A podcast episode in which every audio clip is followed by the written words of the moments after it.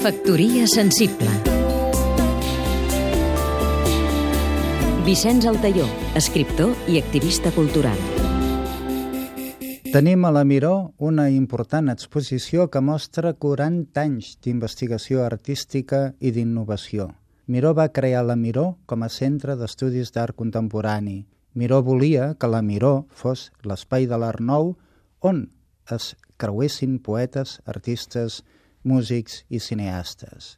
Va ser Brossa, de nou un poeta, més proper a l'art que la conservadora societat literària qui, formant part del comitè d'activitats de la Miró, em suggerí que com a poeta, al costat d'altres poetes que havien fet estudis d'art, programessin fora de la poesia l'aleshores espai d'investigació d'art jove conegut com Espai 10.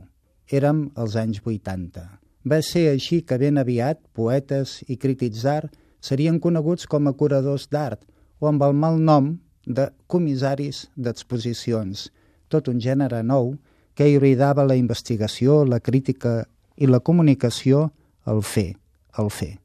D'això, del fer, després en terminologia renovada, s'anomena amb el nom de gestors culturals, o ara de mediadors. En efecte, sense distinció, poetes, artistes, editors, crítics d'art, periodistes, professors, galeristes s'han fet de cuidadors, pensadors, comunicadors i museòlegs. Aquesta és la història que es pot veure a la Miró, una exposició que mostra el termòmetre de 40 anys de relació entre la democràcia i l'art més nou. Factoria sensible Seguim-nos també a catradio.cat